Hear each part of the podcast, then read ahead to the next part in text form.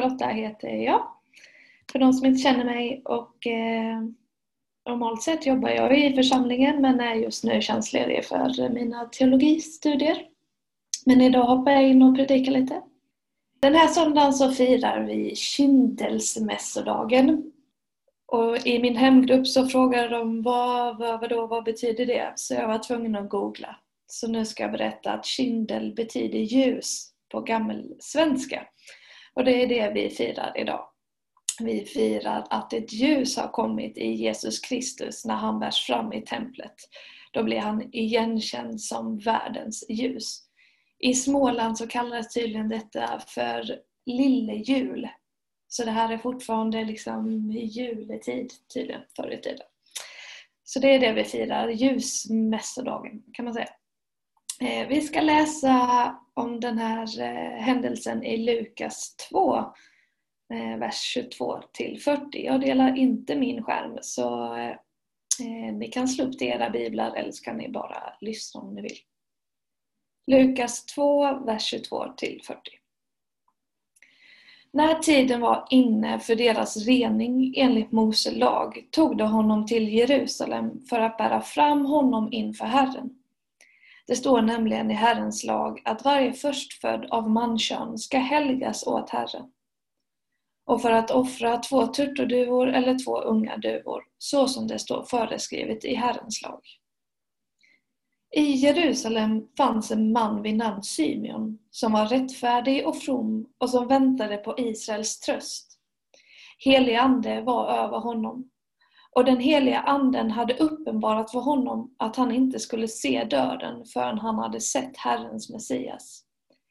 Ledd av anden gick han till templet och när föräldrarna kom in med barnet Jesus för att göra med honom som det är sed enligt lagen, tog han honom i famnen och prisade Gud och sa Herre, nu låter du din tjänare gå hem i frid som du har lovat.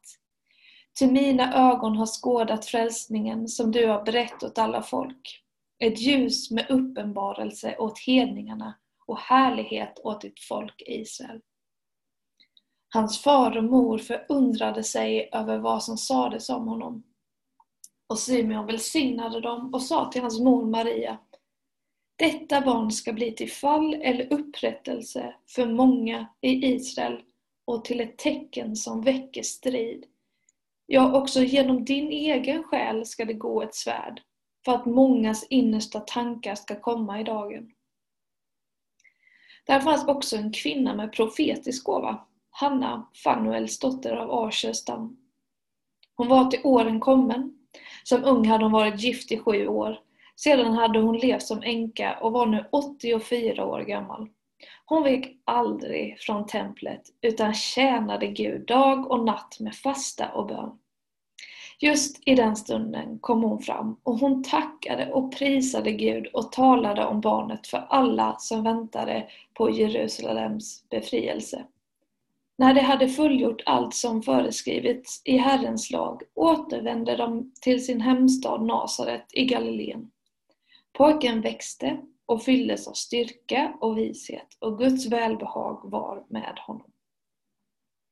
Jag tänkte idag bara dela tre reflektioner eller liksom tre små mini-andakter kommer det bli. Som jag fick utifrån när jag läste den här texten.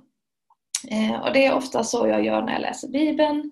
Jag får en tanke i början av något jag läser så stannar jag upp och så reflekterar jag lite i det och sen så går jag vidare och, och hitta någonting annat. Eh, så idag så ska ni få vara med i min bibelläsning. Hoppas, hoppas det är okej okay för er.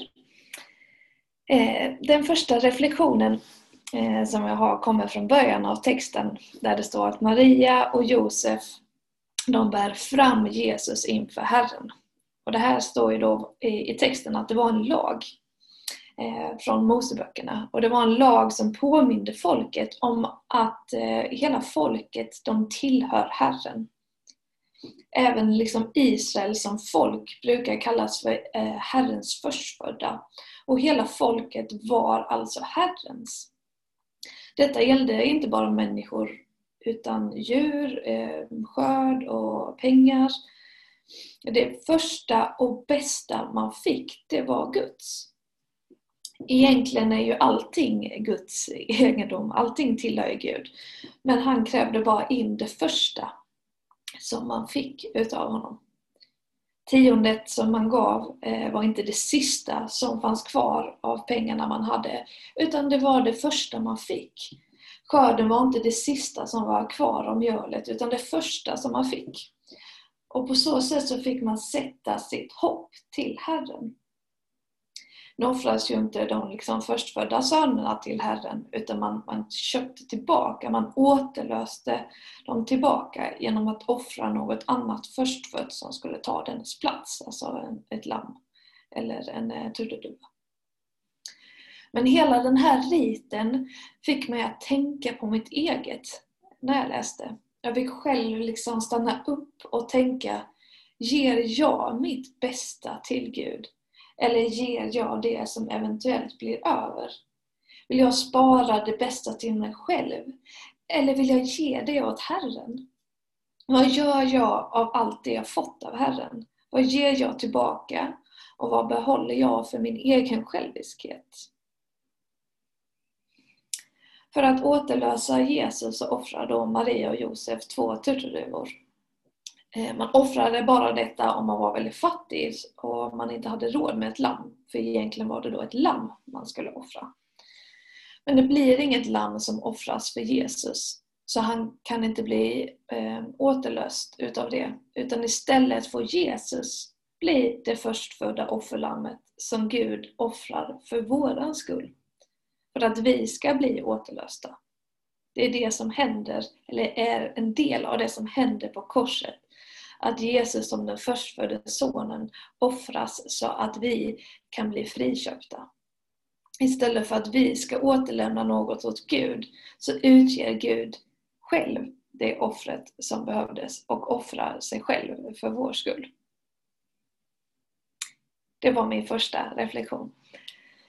Min andra handlar om Hanna och Simeon.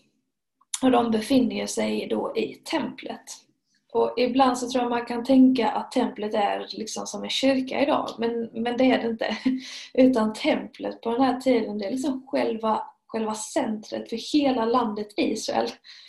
Det är nog tusentals människor som eh, befinner sig på den här platsen och det är en gigantisk plats för er som har varit där i Jerusalem alla som behöver renas för någonting eller som ska offra något är där. Eh, alla leviter som jobbar är där. Alla skriftlärda, alla fariseer, alla saduker, alla präster, över, överste präster är där. Det finns en hedningarnas förgård där det bara är massa hedningar som egentligen inte tillhör folket som är där.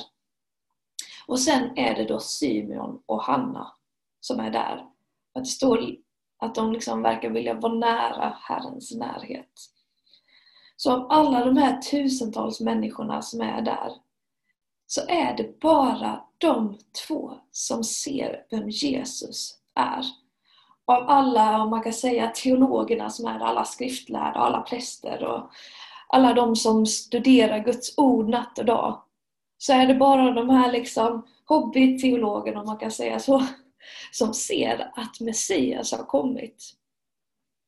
Evagrius av Pontus, som är en eh, gammal snubbe från 400-talet. Han säger att Hanna och Simeon, de är de sanna teologerna. För att de ber i ande och sanning. Den helige anden är i dem, står det. Och det är därför de ser det som ingen annan ser.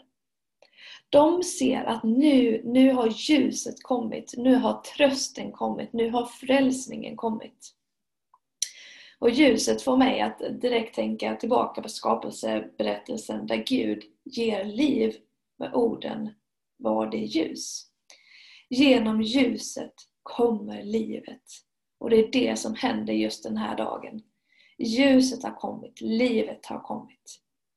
Och den dagen så var det bara just de två personerna som fick se det ljuset. Men dagar senare när Jesus korsfäst och uppstår blir frälsningens ljus synlig för alla människor, precis som Simon sa. Och det är exakt samma ljus, exakt samma liv som finns för oss idag. Det är det här ljuset, eh, Jesus Kristus, som leder oss till Fadern. Och utan ljuset Jesus Kristus famlar vi kvar i mörkret. Men fortfarande idag så är det så många som missar, som missar det här, som missar ljuset. Som är upptagna med annat för att se vad som är rakt framför en. Så hur kan vi då se det här ljuset? Hur kan vi se Jesus Kristus? Jo, genom att få vara sanna teologer, genom att be i ande och i sanning. Genom att låta helig ande få uppenbara ljuset för oss. Den sista reflektionen jag har är från Simeons dialog med Maria. Han berättar för henne att barnet Jesus, det ska bli till fall eller upprättelse. Han säger att det ska få väcka strid och det ska uppenbara människans innersta tankar. Jag tror att det är lätt att tänka budskapet som Jesus kommer med, alltså evangeliet om Jesus, att det är mysigt och det är trevligt, det är något som kommer. Det är som en liten säkerhetslina i livet och det är gött att ha honom där. Glittring och fall. När Jesus går runt och undervisar blir människor så pass upprörda så att de vill stena honom på platsen där han talar. Flera av hans lärjungar lämnar honom. För att det är för mycket för dem att hantera. För mycket för dem att förstå när Jesus talar. Evangeliet om Jesus är provocerande för många. Och jag tror att i orden som Simeon säger, människans innersta tankar. Det ska uppenbaras vad människan faktiskt tänker. Att inte kunna lägga ner sig själv, sina innersta tankar, sitt eget högmod om att jag själv kan komma nära Gud, om hur jag själv kan prestera för att komma till Gud. Det är det som leder till fall. Det är det som leder till splittring. Det är först när du gett upp dig själv som budskapet om Jesus får vara till en upprättelse för dig, en tröst och en frälsning. Ett uppenbarelsens ljus för oss alla hedningar som vi är. Vi vill så gärna kunna vara en del i frälsningen, men det går inte.